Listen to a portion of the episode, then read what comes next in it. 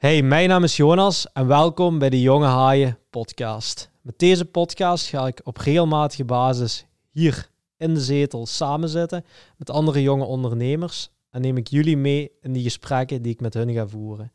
Hierbij vind ik het belangrijk om een stukje van hun verleden uh, te bespreken, hun hoogtepunten, maar zeker ook hun dieptepunten en hun fuck-ups, omdat ik echt een realistisch beeld wil schetsen van wat het ondernemerschap precies is.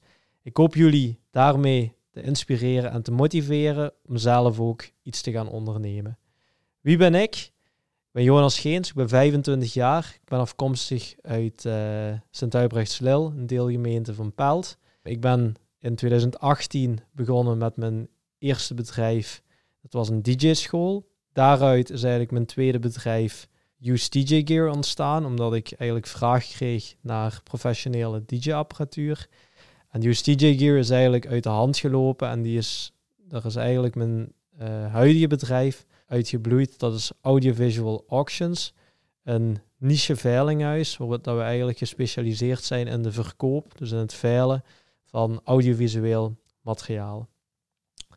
Wel, ik was eigenlijk al meer dan een jaar uh, aan het nadenken om te starten met een eigen podcast. En ik heb eindelijk de knoop doorgehaakt. En uh, ik ben er gewoon mee gestart. Uh, ik ben heel benieuwd waar, wat we allemaal gaan, gaan meemaken. Wie hier langs mij in de zetel allemaal gaat komen zitten. En ik wil dan ook bij deze een belofte, een commitment maken om gedurende één jaar vanaf nu, we zijn nu ongeveer eind juli, om één jaar lang wekelijks samen te gaan zitten met een inspirerende andere jonge ondernemer.